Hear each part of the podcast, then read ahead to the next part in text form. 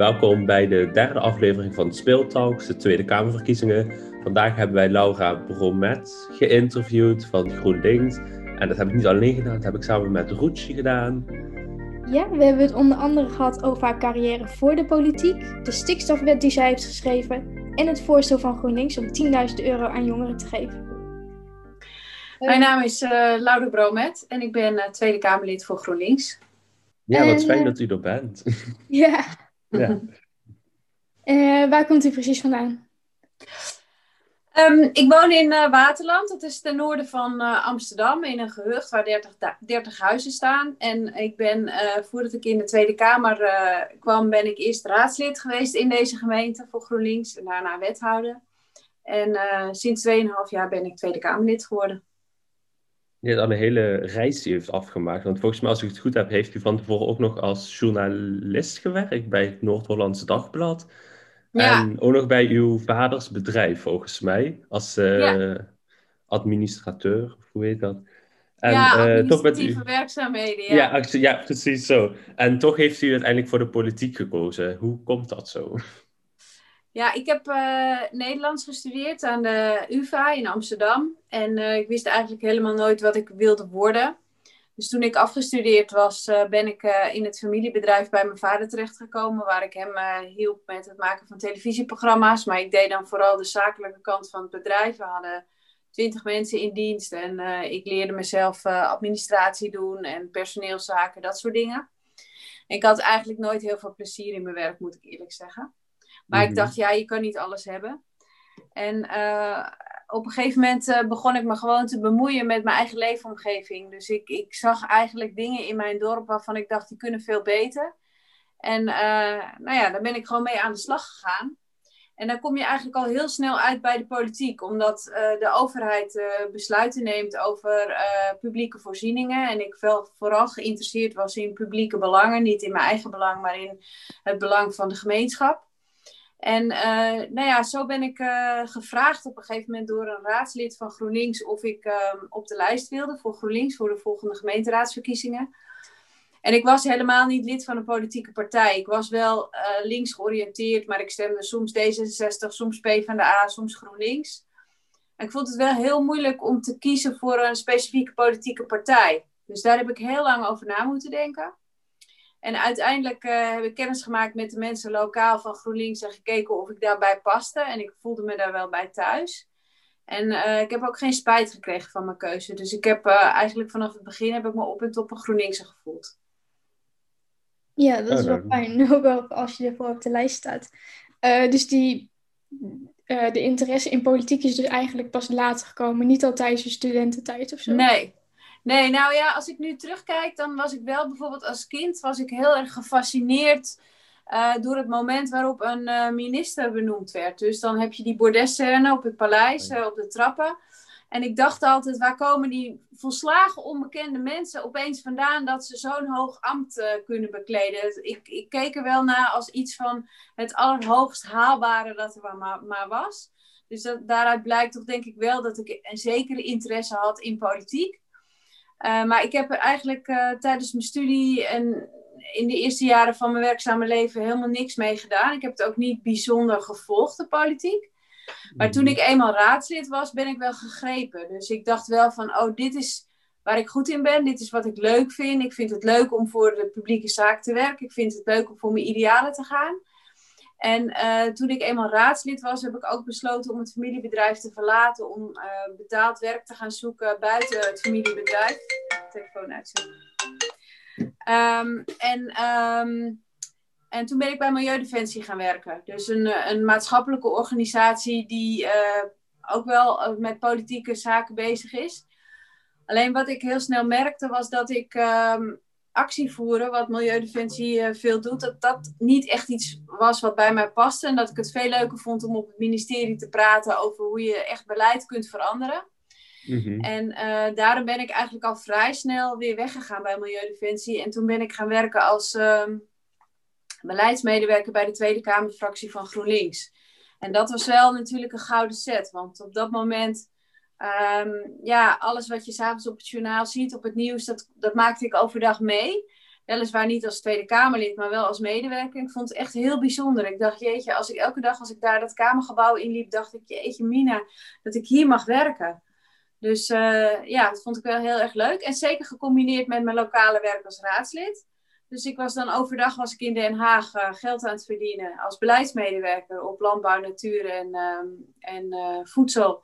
En s'avonds ging ik naar eh, Waterland terug en dan was ik daar fractievoorzitter. En dan had ik te maken met bouwvergunningen en met allerlei kwesties die lokaal speelden. Dat vond ik ook heel leuk.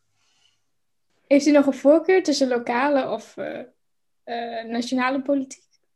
Nou, ik vind het uh, nee, niet echt een voorkeur. Ik vind het leuke aan lokale politiek is dat het heel praktisch is. Dus dat als er een besluit genomen wordt, dat je het uh, enige tijd later gewoon fysiek kan zien. Ik weet nog heel goed dat ik een motie typte dat er zonnepanelen moesten komen op de brandweerkazerne. En uh, een jaar later lagen ze er. Dus ik fietste er langs. Ik dacht, nou, daar liggen die zonnepanelen. Dat komt omdat ik een motie heb getypt die dat vroeg.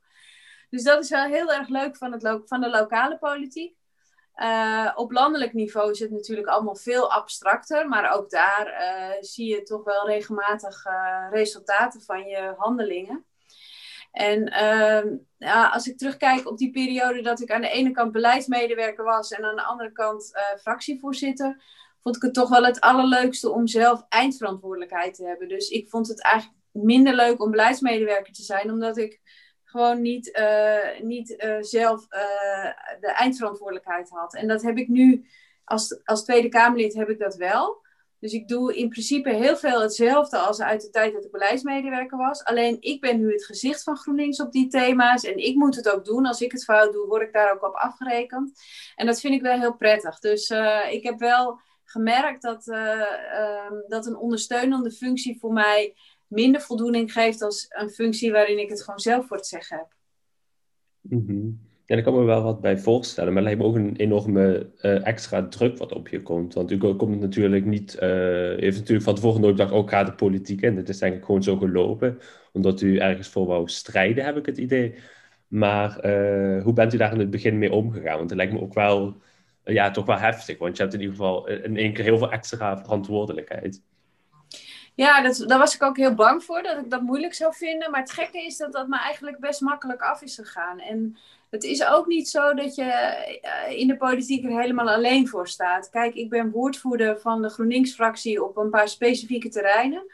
Maar we zitten met een aantal Kamerleden zitten wij in een fractie. En de partij wordt gedragen door de leden die het programma hebben vastgesteld en die de koers hebben uitgezet. Dus het is, het is eigenlijk juist bij uitstek een groepsproces waarin jij uh, het allerlaatste alleen moet doen.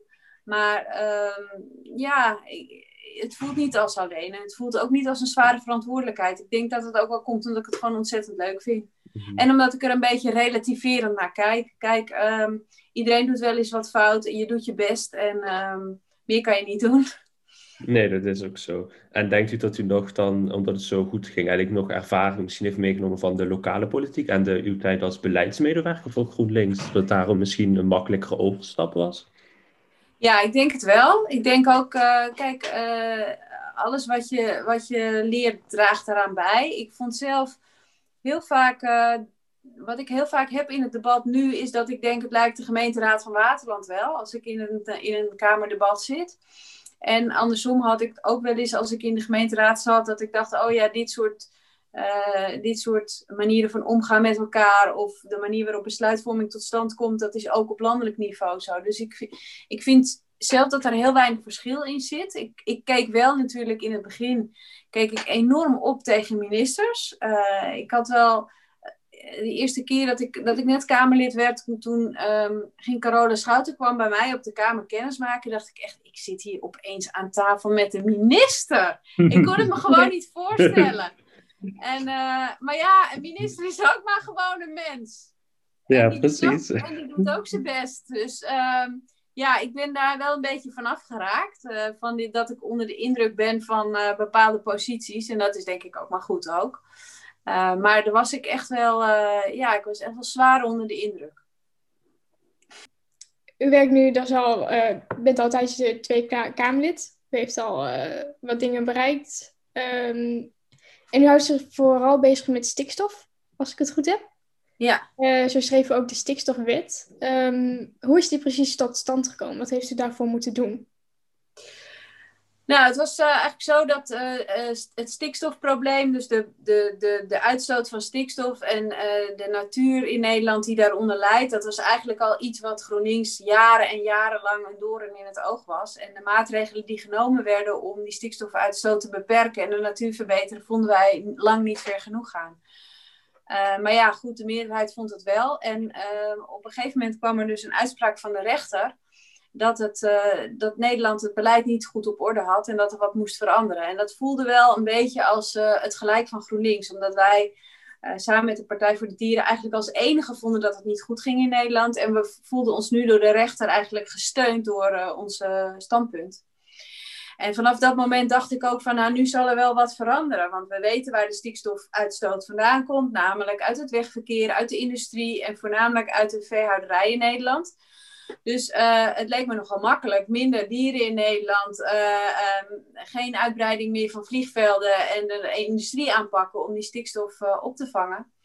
Maar eigenlijk uh, gebeurde er bijzonder weinig na de uitspraak van de rechter. Dus er, ten eerste duurde het heel lang voordat het doordrong hoe serieus dit probleem was. In het begin waren, waren de VVD'ers die zeiden: Ah oh ja, dit is een juridisch probleempje, dat moet je even eventjes rechtzetten en dan gaan we gewoon mhm. weer door op de oude voet. En zou u zeg maar, het stikstofprobleem ook kunnen uitleggen, bijvoorbeeld? Want ik denk dat er ook luisteraars zijn en mezelf ook een beetje. En ik denk van ja, stikstof, waarom is dat nou zo belangrijk? Zeg maar, wat gebeurt er als er te veel stikstof is? Ja, nou je hebt eigenlijk twee soorten stikstof. Je hebt stikstof die vrijkomt uit verbrandingsmotoren, dus bijvoorbeeld uit de industrie en uit het wegverkeer. En je hebt stikstofuitstoot die vrijkomt bij uh, ammoniak. En dat is uh, een uh, stikstof die uit de veehouderij afkomstig is. En stikstof, dat zit ook in kunstmest. Dus het is eigenlijk een, een, een, een, een chemische verbinding waardoor heel veel planten juist ontzettend goed gaan groeien. En uh, bijvoorbeeld uh, brandnetels groeien heel goed uh, op stikstof of bramen. Dus er zijn bepaalde plantensoorten die er heel erg wel bij varen. Alleen het probleem is dat juist een heleboel andere plantensoorten daardoor het veel moeilijker krijgen. Want als die die soorten die heel goed gedijen bij veel stikstof uh, de overhand nemen, dan, uh, ja, dan verdwijnen kwetsbare planten. En daarmee ook de insecten die nodig zijn voor die, die, die, die vliegen op die planten. En daarmee ook de vogels die weer afhankelijk zijn van die, uh, van die ehm, uh, insecten. En daarmee krijg je eigenlijk van beneden af een hele instorting van het ecosysteem. En dat is ook wat er in Nederland gaande is. Uh, er komt steeds minder biodiversiteit. 80% mhm. van de oorspronkelijke biodiversiteit is al verdwenen de afgelopen 100 jaar uit Nederland. En je ziet ook dat um, door stikstof krijg je een soort verzuring. En uh, bijvoorbeeld in de botjes van vogels kan je dat zien. Er zijn vogeltjes gevonden die niet goed meer op hun pootjes konden staan, omdat ze zulke broze botten hadden als gevolg van de stikstofuitstoot. Dus uh, het gaat heel slecht met de natuur in Nederland. Het gaat het al jaren. En een van de redenen daarvan is uh, de stikstofuitstoot. En uh, ja, een heleboel uh, partijen die hebben zich daar jarenlang niks van aangetrokken. Want die zeiden economische ontwikkeling is belangrijk. En we mm moeten doorgaan met de aanleg van snelwegen. En we moeten meer vliegvelden openen. En de veehouderij moet ruim baan krijgen. Want we zijn een landbouw-exportland. De tweede landbouw-exporteur uh, ter wereld. In absolute zin voor zo'n klein land. En dat moeten we blijven. Uh, dat daar ben ik het helemaal niet mee eens, omdat ik weet dat het ten koste gaat van onze kwetsbare delta-natuur. Wij hebben hier in Nederland uh, uh, een natuur die vrij uniek is. We zitten aan, de, aan, de, aan, aan het uiteinde van heel veel rivieren. We hebben de, onze nationale vogel, de grutto. En die wordt echt bedreigd door, ja, door dat natuurgebieden te klein zijn en dat er te weinig biodiversiteit is. Dus daar, dat is een van de redenen voor mij om de politiek in te mhm. gaan. Dus toen het stikstofprobleem zich manifesteerde, ben ik er volop gedoken. Um, nou ja, je zag eigenlijk door die belangentegenstelling die er nog steeds is tussen economie en ecologie, dat het uh, de regering niet lukte om met een oplossing te komen. Waardoor uh, vanwege die uitspraak van de rechter ook projecten waar maar heel weinig stikstof bij vrijkomt, bijvoorbeeld bij de bouw van huizen, omdat daar machines voor nodig zijn, dat die stil kwamen te liggen. Terwijl we willen allemaal dat er huizen gebouwd worden, omdat mhm. iedereen wil een dak boven zijn hoofd en een woning.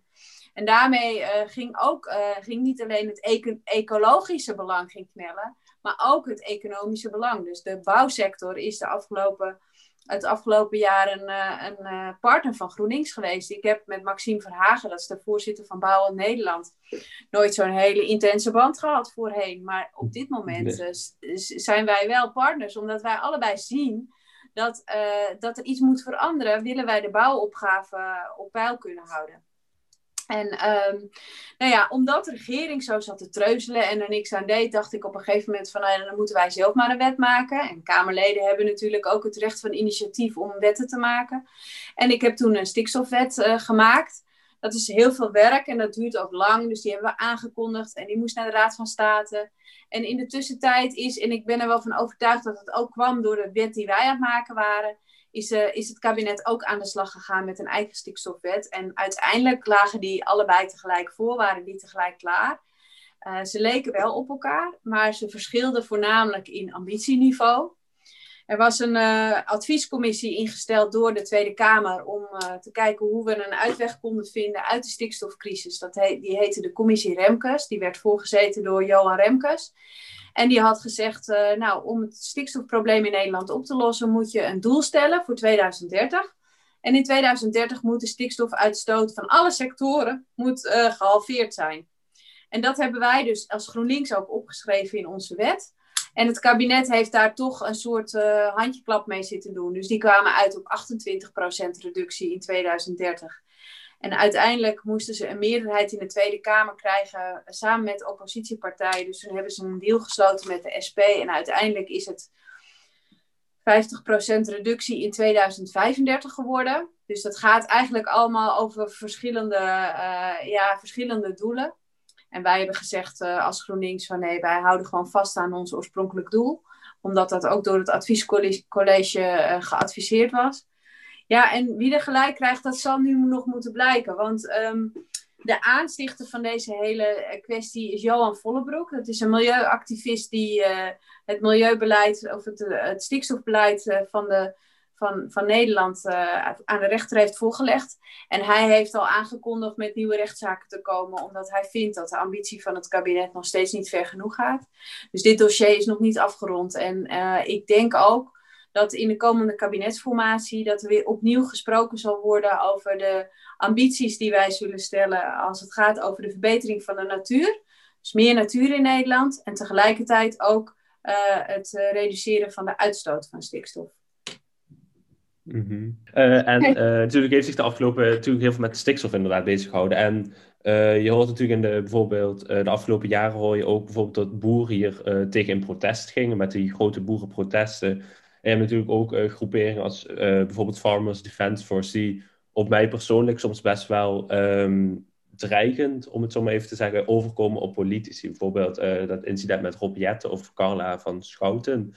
heeft u zelf dat niet ook soms? Dat u denkt van, oh, is toch niet zo fijn, zeg maar, om het zo maar even te zeggen. Nee, ja, dat is zeker waar. Kijk, uh, uh, het landbouwdossier was eigenlijk niet echt een dossier wat de hoofdrol speelde in de Nederlandse politiek. Maar door het stikstofprobleem is het wel uh, op het politieke hoofdtoneel terechtgekomen. Dus er is heel veel gebeurd de afgelopen jaar met de boerenprotesten, met de boze boeren ik denk zelf dat de boeren eigenlijk niet eens zozeer boos zijn over het stikstofprobleem alleen. Want er zijn een heleboel problemen die spelen in de agrarische sector. Ook in het buitenland zijn de boeren boos.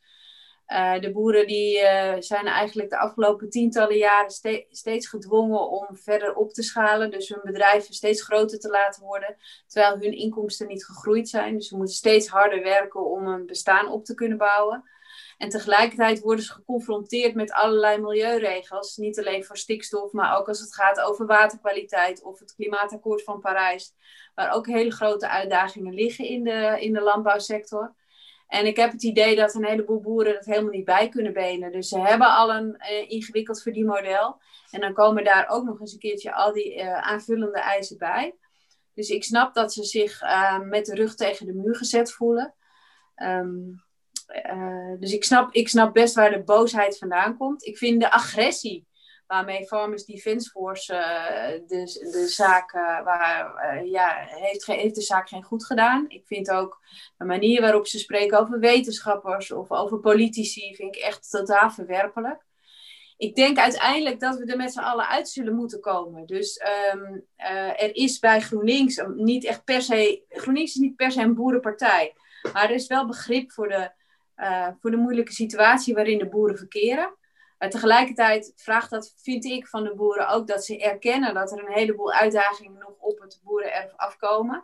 En dat zij in gesprek gaan over de oplossingen die daarvoor zijn. En te vaak merk ik nog dat heel veel boeren in een soort ontkenningsstand zitten. Die zeggen, we hebben al heel veel gedaan en we gaan niet meer doen.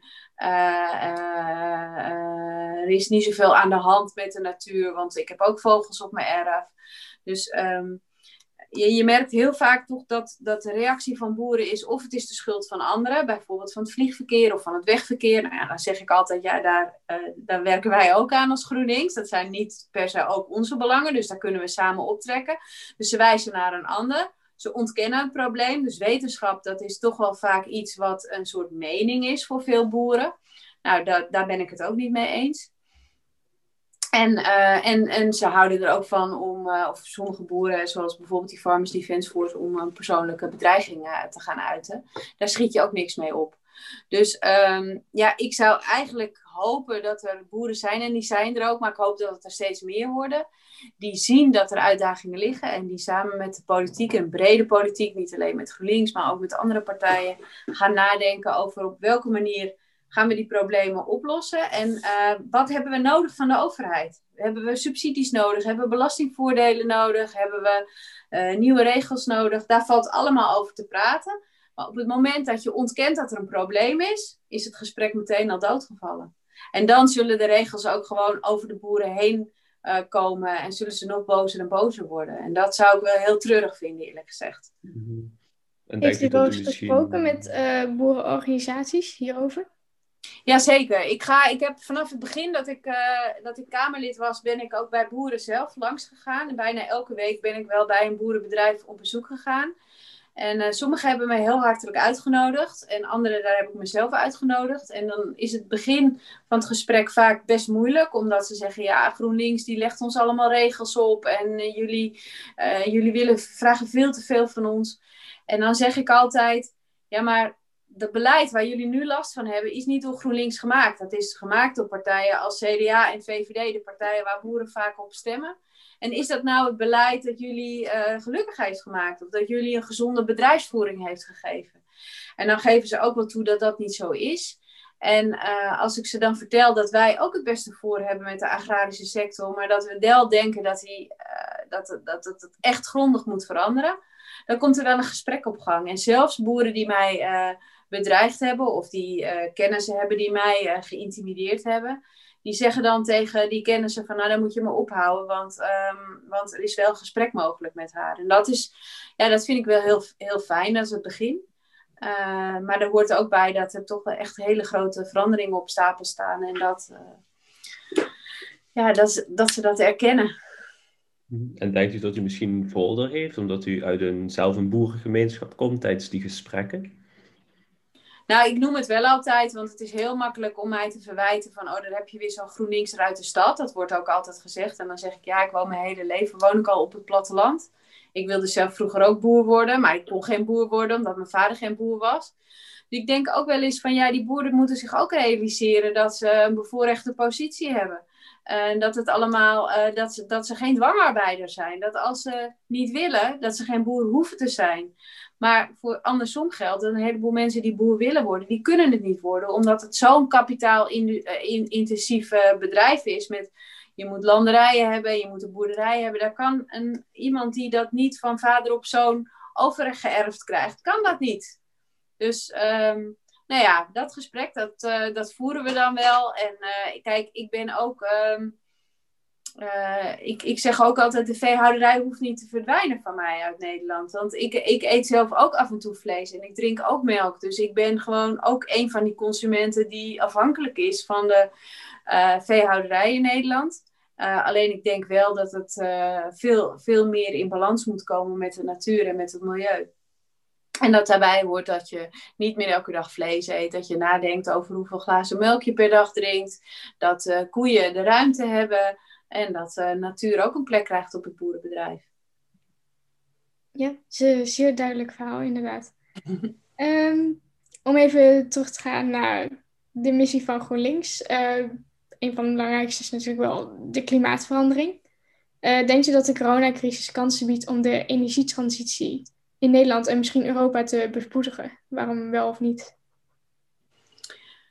Nou ja, het is in ieder geval, eh, de coronacrisis laat in ieder geval zien dat als er echt een probleem is, dat er een heleboel dingen mogelijk zijn die je eigenlijk niet voor mogelijk hield voordat die crisis er was. Hè? Dus je ziet uh, dat een heleboel mensen nu thuis werken, dat zelfs kinderen thuis onderwijs kunnen krijgen. Ik bedoel, ik vind het totaal niet wenselijk, maar het is wel een teken dat als, er, als de nood aan de man is, dat er een heleboel ingrepen uh, gedaan kunnen worden. Uh, het vliegverkeer is bijna helemaal stilgevallen en de wereld is nog niet ingestort daardoor. Misschien hebben de, heeft de KLM het wel moeilijk, maar internationale vergaderingen gaan gewoon nu zoals wij, zoals wij nu elkaar ook spreken. Dus um, ik denk wel dat het uh, een manier is om te zien dat dingen anders kunnen de enorme bedragen die nu gaan naar ondernemers om ze uh, te laten overleven, die, die zijn, die, weet je, er is in, voordat corona kwam, werd er altijd gezegd van de transitie, de energietransitie is te duur. Terwijl nu wordt er helemaal niet gezegd het redden van bedrijven is te duur. Dus ik denk wel dat het een, uh, een ander perspectief geeft op uh, veranderingen en hoe je die mogelijk kan maken. Uh, aan de andere kant is het zo dat we natuurlijk niet weten wat de consequenties zullen zijn van deze coronacrisis. En als de economie straks helemaal instort of de woede toeneemt onder de inwoners van Nederland, of de politiek verder polariseert, dan maakt het het niet makkelijk om die andere grote verandering die nodig is om de klimaatverandering te stoppen, om die ook nog erdoor te krijgen. En uh, soms ben ik wel eens bang dat er eerst rampen moeten gebeuren voordat het besef breed doordringt dat er uh, iets aan de hand is. En wij wonen hier in een land onder de zeespiegel. En ik snap niet dat zelfs in een land als Nederland dat dus niet voor veel mensen veel urgenter gevoeld wordt. En dat, ja, dat het ook betekent dat je uh, bepaalde dingen in je leven dat die niet zo langer door kunnen gaan. En dat je dus ook uh, dat er een soort verzobering plaats zou moeten vinden. Um, dat is geen gemakkelijke boodschap. Daar win je misschien ook geen kiezers mee. Dus wij proberen wel als GroenLinks altijd ook het positieve verhaal te vertellen. Namelijk dat als je uh, zonnepanelen hebt op je dak, dat je energierekening lager wordt. Dat als je in een elektrische auto rijdt, dat je geen last hebt van, uh, van schadelijke uitstoot, van uh, luchtverontreiniging. dus er zijn ook wel een heleboel positieve neveneffecten te noemen van die verandering. Alleen uh, niet, de mens is niet veranderingsgezind. De mens vindt het heel moeilijk om te veranderen. De mens houdt graag vast aan de dingen zoals hij ze kent. En wij zijn een partij die het echt heel anders willen. En dat is, um, ja, dus voor niet, niet iedereen kan daar meteen in meekomen nog. Dus wij als GroenLinksers moeten een beetje geduld hebben, totdat, uh, zodat andere partijen onze ideeën ook overnemen. Maar je ziet wel langzamerhand dat de dingen die wij tien jaar geleden roepen, die zijn nu gemeengoed geworden. Dus, uh, dus we hebben een, uh, een functie om de boel een beetje op te jagen en, um, en de geest rijk te maken. Mm-hmm. Voor de grote vindt u niet ook, vindt u niet ook frustrerend dat bijvoorbeeld GroenLinks het al tien jaar geleden zijn het nu pas gebeurt? Ja, ik vind dat heel frustrerend. Ik vind dat ook, uh, kijk, en hoe langer je wacht, hoe ingrijpender de maatregelen uh, worden die je moet nemen en hoe duurder het ook wordt.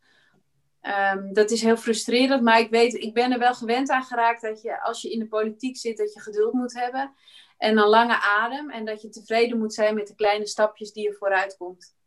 En uh, ik weet niet of het uiteindelijk snel genoeg gaat allemaal. Ik hoop het wel en ik wil er in ieder geval zelf alles aan gedaan hebben toch zie je wel dat heel veel jongeren klimaatverandering wel belangrijk vinden. Uh, als je het vergelijkt met zeg maar, de oudere generatie. Uh, kijk bijvoorbeeld naar uh, protesten op een Malieveld, ja. schoolstakingen.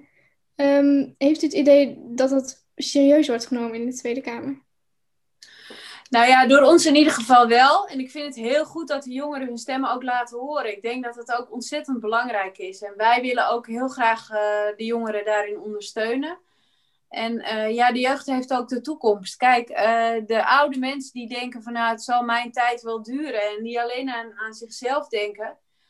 ja, daar heb je niks aan. Je moet je toch richten op de jeugd. Jullie, jullie hebben nog een heel leven voor je en jullie hebben ook het recht om op, in een leefbaar Nederland te wonen. Uh, dus ik vind dat de politiek uh, verder moet kijken dan de dag van morgen. En misschien wel soms wel 30, 40, 50 jaar vooruit moet kijken. En dat doen wij ook. Alleen het treurig is natuurlijk dat een heleboel partijen gewoon gericht zijn op korte termijn winsten. Kiezers die ze moeten winnen voor de verkiezingen van 17 maart. En met valse beloftes en met ja, kortzichtigheid. Dat is, ja, zo is het, zo is het wel. Maar um, kijk, uh, jullie hebben ook een stem. Dus ik hoop dat jullie, uh, dat de jongeren massaal zullen kiezen bij de verkiezingen voor partijen die kijken naar, uh, naar lange termijn belangen en niet alleen naar de korte termijn belangen. Daar ben ik eigenlijk best wel vol vertrouwen, vol vertrouwen dat dat gaat gebeuren. Dat is mooi om te horen, dank u wel. Ehm, we hebben ook nog drie stellingen volgen, die stellen we aan elke persoon die we interviewen. En het uh, zijn vooral zijn drie hele verschillende stellingen over verschillende onderwerpen. Dus uh, die gaan we even voorleggen. Uh, ja. De eerste is, weet je eigenlijk antwoord al, maar moet de studiebeurs terugkomen van GroenLinks? Nou ja, ik weet niet of de studiebeurs terug moet komen zoals die precies was. Maar we vinden wel dat er iets moet gebeuren. Dus dat uh, de schulden waarin de studenten zich nu moeten steken, dat die te hoog zijn. En uh, dat het uh, voor iedereen, dat, dat, dat het aangaan van, of dat het betalen van je studie, dat dat geen barrière is om überhaupt de studie te gaan doen. Dus wij, hebben daar wel, wij hebben daar wel plannen voor om dat aan te passen zodat het, uh, zodat het makkelijker wordt voor studenten om, om te gaan studeren zonder dat ze zich heel, heel diep in de schulden moeten steken. Wij kijken daarbij wel heel erg ook naar het inkomen van de ouders. Want we vinden wel dat ouders die hun kinderen financieel kunnen ondersteunen, dat ze dat moeten doen. Dus uh, we, we, richten ons vooral op de studenten die, uh, die geen rijke ouders hebben. En uh, die willen we gewoon meer mogelijkheden geven om ook kansen te kunnen hebben om te gaan studeren. Ja, ja ik zag ook nog... Een tijdje geleden kwam GroenLinks ook met het voorstel om 10.000 euro aan jongeren te geven. Um, ja. Hoe zit dat precies in elkaar? Vindt u dat een goed voorstel? Ja, we hebben dat eigenlijk voorgesteld omdat we vinden dat de focus als het gaat over de financiering van jongeren heel vaak toch wel ligt op, uh, op studiefinanciering en op studiebeurzen. Terwijl er zijn ook een heleboel jongeren die niet gaan studeren en die bijvoorbeeld een bedrijfje willen beginnen of die uh, een andere start in hun leven willen maken dan via het studeren alleen. Dus wij hebben bedacht, als je nou iedereen 10.000 euro geeft en daar, uh, en daar jongeren de kans geeft om een start te maken in hun leven, om, iets, om te investeren in iets waar ze mee verder kunnen, zou dat een heel vernieuwend idee zijn. We hebben het wel naar aanleiding van de eerste presentatie een beetje aangepast. Dus we hebben volgens mij, ik weet niet helemaal uit mijn hoofd, maar we hebben nu wel voorwaarden gesteld. Dus of je moet er een studie mee betalen, of je moet er een, uh, een investering doen voor een bedrijf. Uh, we willen het ook met terugwerkende kracht laten gelden door degene die, voor degenen die nu al ouder zijn dan 18, maar die nog um, die geen basisbeurs hebben ontvangen. Uh, en het staat nog steeds, we willen, nog, we willen dit nog steeds voorstellen. We vinden dit nog wel heel belangrijk. Uh, de vraag is of natuurlijk of we daar een meerderheid voor krijgen. Even door naar de volgende stelling, denk ik dan. Um, vindt u het een goed idee dat er een Europees leger zou komen? Oh, nou, weet je, ik kan er geen antwoord op geven. Ik weet niet wat er over in ons verkiezingsprogramma staat. Weten jullie het wel of niet? Heb je het gelezen? Ik heb het deels gelezen, maar ja, als u, ik vind het al heel fijn dat u zegt dat u er geen antwoord op kunt geven in plaats van zo'n heel verhaal wat niks zegt. Dus uh, we kunnen eigenlijk ook wel gelijk doorgaan. Uh, heel verfrissend. Uh, en deze denk ik, heb ik ook een idee wat u gaat antwoorden, maar staat u achter het huidige klimaatakkoord en waarom wel of niet? nou ja, het klimaatakkoord van Parijs bedoel je? Of bedoel nee, je het, de Nederlandse vertaling. Ja. ja, uh, nou ja, ik denk dat het niet ambitieus genoeg is. Dus wij zullen, wij zullen er alles aan doen om het ambitieuzer te maken. En bovendien is het ook uh, de klimaatafspraken die nu in Nederland gemaakt zijn, die zijn ingevuld tot 2030. Terwijl het klimaatakkoord van Parijs, dat geldt voor 2050. En dat betekent dat er in de jaren na 2030 nog een heleboel moet gebeuren. En daar moet je nu al mee beginnen. Dus uh, daar, zullen wij, daar zullen wij de hele tijd op aan blijven, zullen wij op blijven duwen en drukken en duwen en trekken tegen alle gevestigde belangen in, want die uh, proberen natuurlijk ook hun gelijk te krijgen. Ehm, ik denk dat dat de stellingen waren. Ja, heb jij nog uh, Ja, misschien nog de laatste vraag. Uh, we zijn natuurlijk de studievereniging voor politicologie. Uh, heeft u nog tips of wensen voor, voor jongeren die ook de politiek in willen? Nou, ik kan het echt iedereen aanraden om de politiek in te gaan. Het is ontzettend leuk. Het is ook helemaal niet moeilijk om carrière te maken in de politiek, want er is altijd behoefte aan politiek personeel. Dus je kunt op allerlei manieren kun je actief worden in de partij van jouw keuze. Maak kennis met de mensen. Je wordt met open armen ontvangen. Je kunt campagne voeren. Je kunt in een bestuur. Je kunt in een gemeenteraad. Bij de provinciale staten. Er is echt genoeg te doen. En zeker als je politieke regie hebt gestudeerd. Want dan weet je er toch net iets meer van dan anderen. En dan heb je ook bewezen dat je interesse hebt in de politiek. En ja, ik kan wel zeggen dat mijn leven echt uh, enorm verrijkt heeft. Dat ik een veel gelukkiger mens ben geworden sinds ik in de politiek ben gegaan. En dat ik uh, ook zie dat andere mensen om mij heen die ook in de politiek zitten, die, dat die er ook heel erg van genieten. Het is wel iets wat je hele leven overneemt, want je bent, als je bevlogen bent, dan wil je alles bijhouden en je hoort al het nieuws en je denkt bij elk nieuws denk je, oh welke actie wil ik hier nou weer opzetten. Maar ja, dat is gewoon hartstikke leuk. Je leeft niet voor niks. Eh, je komt hele interessante mensen tegen. Je kan echt uh, de wereld veranderen naar jouw idealen. Dus ik zou zeggen, Hup ermee! Allemaal de politiek in. ja, nou, dat is uh, helemaal mooi om te horen. Dank u wel.